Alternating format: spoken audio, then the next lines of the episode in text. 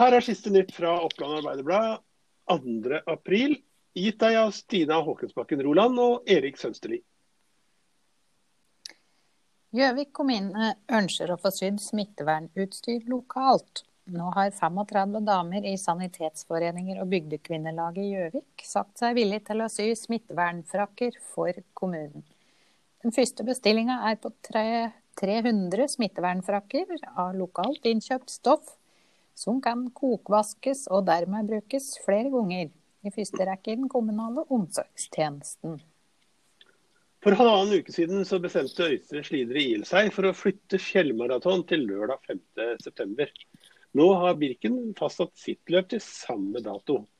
Birken flyttet i sin tid sitt løp til våren, helga etter fjellmaraton, og nå velger de å arrangere på samme dato som oss. Dette føles som å få en midt på trynet, sier arrangementssjef Erik Østli på Beitostølen. Koronasmitte i Vestre Toten dobler seg fra fire til åtte onsdag. Alle, var til, nei, alle var knyttet til et av de kjente tilfellene og hadde allerede omfattende smitteverntiltak. Kommunelegen rapporterer om milde sykdommer og ikke noe behov for sykehusinnleggelser for de nye smitte. 96 av de som er innlagt i Norge nå, eh, behandles eh, torsdag med respirator. Og det er tre færre enn onsdag. Eh, og det er første gangen i denne perioden at tallet som behandles med pustemaskiner, ikke stiger. På Østre Toten kommer det reaksjoner eh, på at eh, den lokale boligstiftelsen solgte en eiendom utenom det åpne markedet til et firma der daglig leders ektefelle er en av de to eierne. Firmaet hadde allerede planer om utbygging på naboeiendommen, og henvendte seg til boligstiftelsen om et mulig kjøp i forbindelse med utvidelse av reguleringsplanen for denne naboeiendommen. Daværende styreleder sier saken helt og fullt ble håndtert av styret uten daglig leders medvirkning. Og På spørsmål om hvorfor Boligstiftelsens eiendom ikke ble lagt ut for åpen sak, så svarer nåværende styreleder at ja, det er en relevant problemstilling og, lover, øh, og lov å spørre om det burde ha vært gjort. Fagforbundets regionledelse har i e-post gitt lokale tillitsvalgte munnkurv i saken der to tidligere tillitsvalgte i Fagforbundet Oppland kommer med anklager om ukultur på fylkesnivå og manglende vilje til å følge opp arbeid mot dette. Begge ble sykmeldt av situasjonen og er skuffa over det de opplever som en kald skulder av Fagforbundet sentralt. OA har over flere dager forsøkt å få svar på konkrete spørsmål fra noen fra det sentrale apparatet, ti personer, men ingen ønsker å gi noen uttalelser om saken. OA har fått noen skriftlige uttalelser fra administrativ ledelse i den sentrale organisasjonsavdelingen som er nøye med å påpeke at det å være tillitsvalgt ikke er et ansettelsesforhold. De to tidligere fylkestillitsvalgte er skuffet, men ikke overrasket over at ingen vil gi noe fyllestgjørende svar om saken. Og Det er en av de sakene vi skal snakke litt mer om etter dette.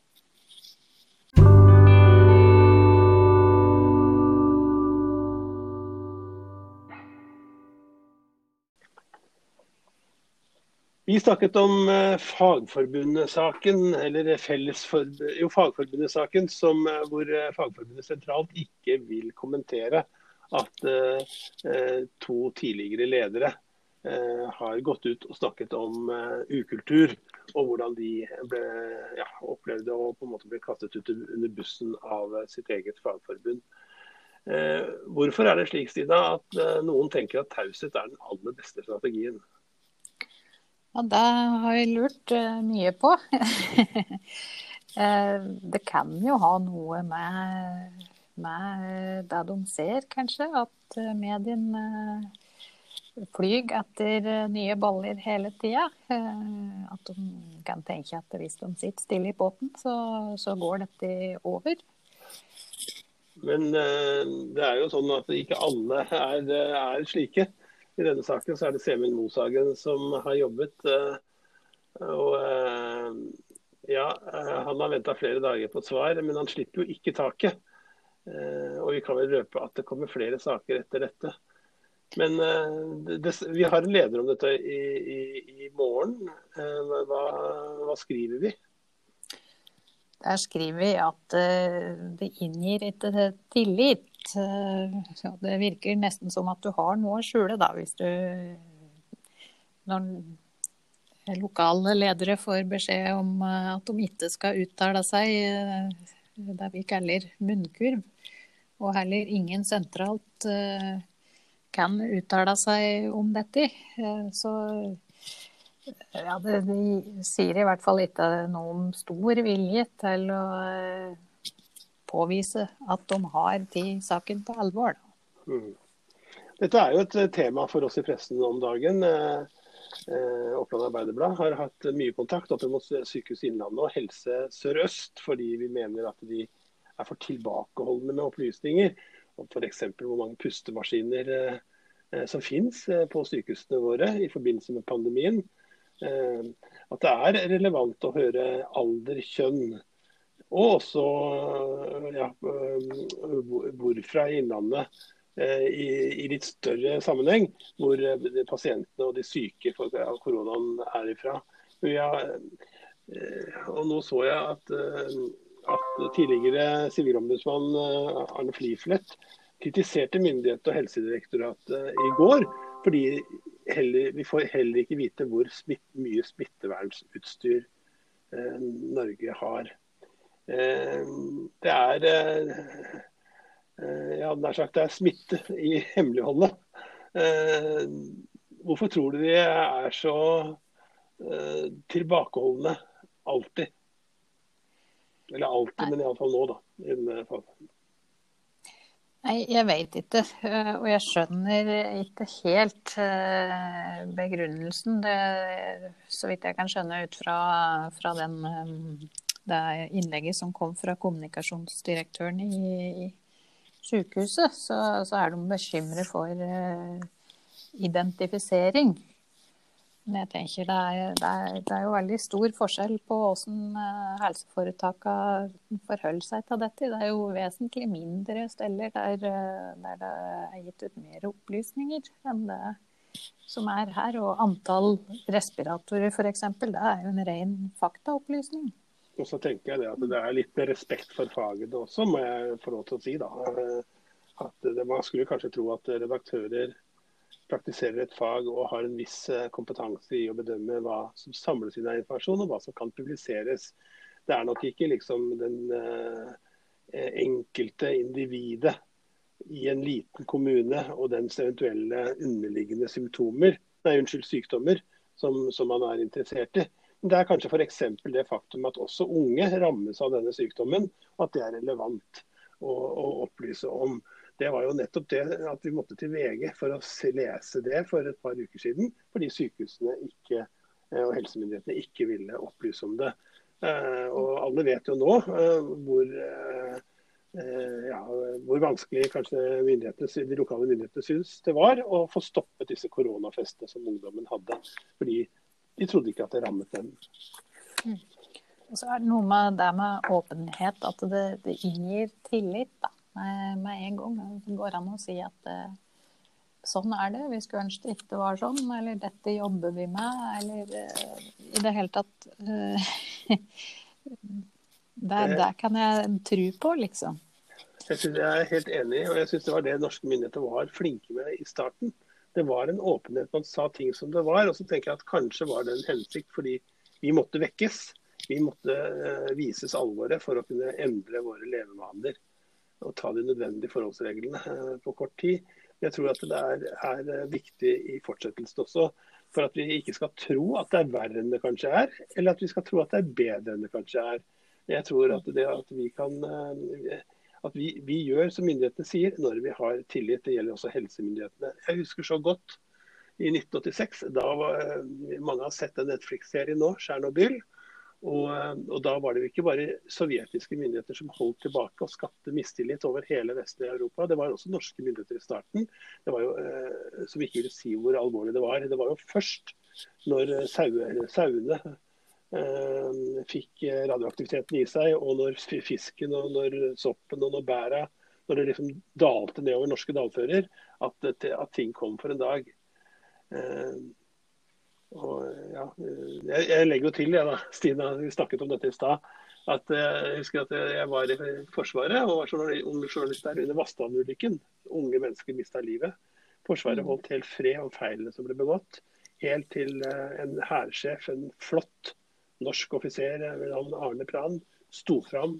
Han var den øverste kommanderende. Dette er mitt ansvar, vi gjorde feil disse familier, altså Her er det etterlatte som eh, skulle fått sine kjære hjem.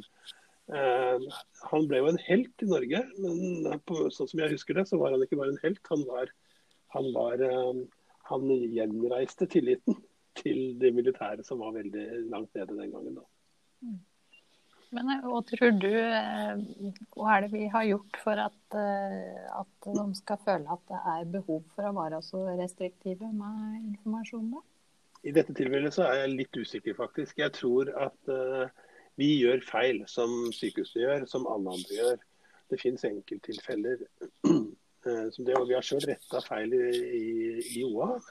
Eller vi trykte en opplysning knytta til et smittetilfelle her, her i går, faktisk.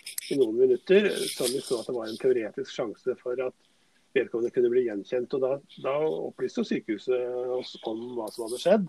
og Da, da endra vi jo det straks, for det, det forsto vi. Eh, og Det var en glipp. Og Kanskje kan det være det, men jeg tror snarere at det er et syn, eller et overdrevent eh, syn på, på, på, publisering av kommunikasjonsfolkene og sykehuset. Og jeg tror også det kan være et element i, fordi jeg ikke vet, at man ønsker å beskytte seg selv. Og man dytter personvernet og taushetsplikten foran seg. Det ser vi skjer både innenfor politi og vi ser det også innenfor helsemyndighetene, tror jeg, da, i dette tilfellet. Ja, dette kunne vi sikkert ha pratet mye om. Eh, men eh, det får bli kanskje en annen sending, Stina. Det kan det jo bli. Ja, for dette var vel eh, det vi hadde av eh, noen av de nyhetshendelsene som er i Oppland Arbeiderblad, eller har vært i Oppland Arbeiderblad i dag. Du kan gå inn der nå på oa.no og lese flere nyheter. Og du kan laste ned podkastene våre på Spotify eller noen av de andre stedene du laster podkaster.